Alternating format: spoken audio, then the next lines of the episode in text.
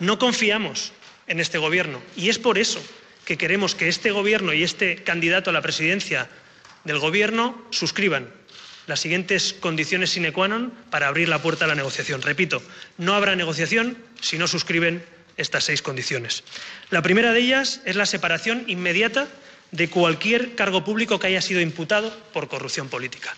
Los imputados por corrupción política no se sientan ni en los gobiernos ni en los escaños si Ciudadanos está en una negociación. Esa es la primera condición. La segunda es la eliminación de los aforamientos. Se acabaron los privilegios para los políticos. Todos somos iguales ante la ley, todos vamos a primera instancia, todos los cargos públicos que tengamos que defendernos o que se tengan que defender de un caso de corrupción política tendrán que ir a primera instancia. Tercero, una nueva ley electoral. Sí, después de 40 años, una nueva ley electoral que contenga como mínimo los siguientes principios. El primero de ellos, listas desbloqueadas, que los ciudadanos puedan escoger personas y no solo partidos, que puedan escoger a qué partido votan, pero también que por primera vez en España, en el Congreso de los Diputados, puedan escoger persona. El segundo principio fundamental es que los votos valgan igual o haya una mayor proporcionalidad. No podemos seguir teniendo una ley electoral injusta donde los, hay españoles de primera y españoles de segunda.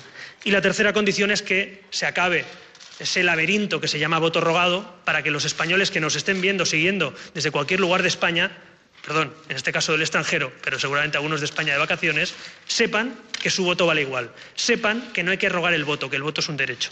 Esos son tres puntos de la nueva ley electoral que nosotros ponemos como condición para abrir una mesa de negociación. Cuarto, acabar con los indultos por corrupción política. Tiene que haber justicia, pero sobre todo no se puede anular la justicia con el compadreo entre amigos políticos perdonándose las penas por corrupción. Hemos visto decenas de indultos por corrupción política y no queremos volver a ver en los próximos años corrupción política y encima que nos la restreguen por la cara indultándoles y perdonándoles las penas. Por tanto, tienen que acabarse los indultos por corrupción política. Quinta condición, limitación de mandatos. Un acuerdo que ustedes ya saben que defendimos en su día y que volvemos a defender ahora. Una condición sine qua non es que se limite o a ocho años o a dos mandatos del presidente del Gobierno de España, como hacen otras naciones de, del mundo y no pasa nada. Es decir, no perpetuarse, sino presentarse o a dos mandatos o máximo ocho años para un presidente del Gobierno de España. Y sexta condición, transparencia.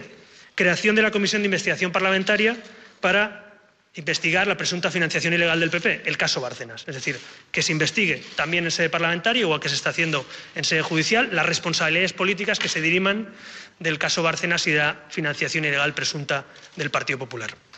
Estas, que les he dicho y no otras, son las seis condiciones para abrir una negociación que puede tener al final del camino la luz del desbloqueo político.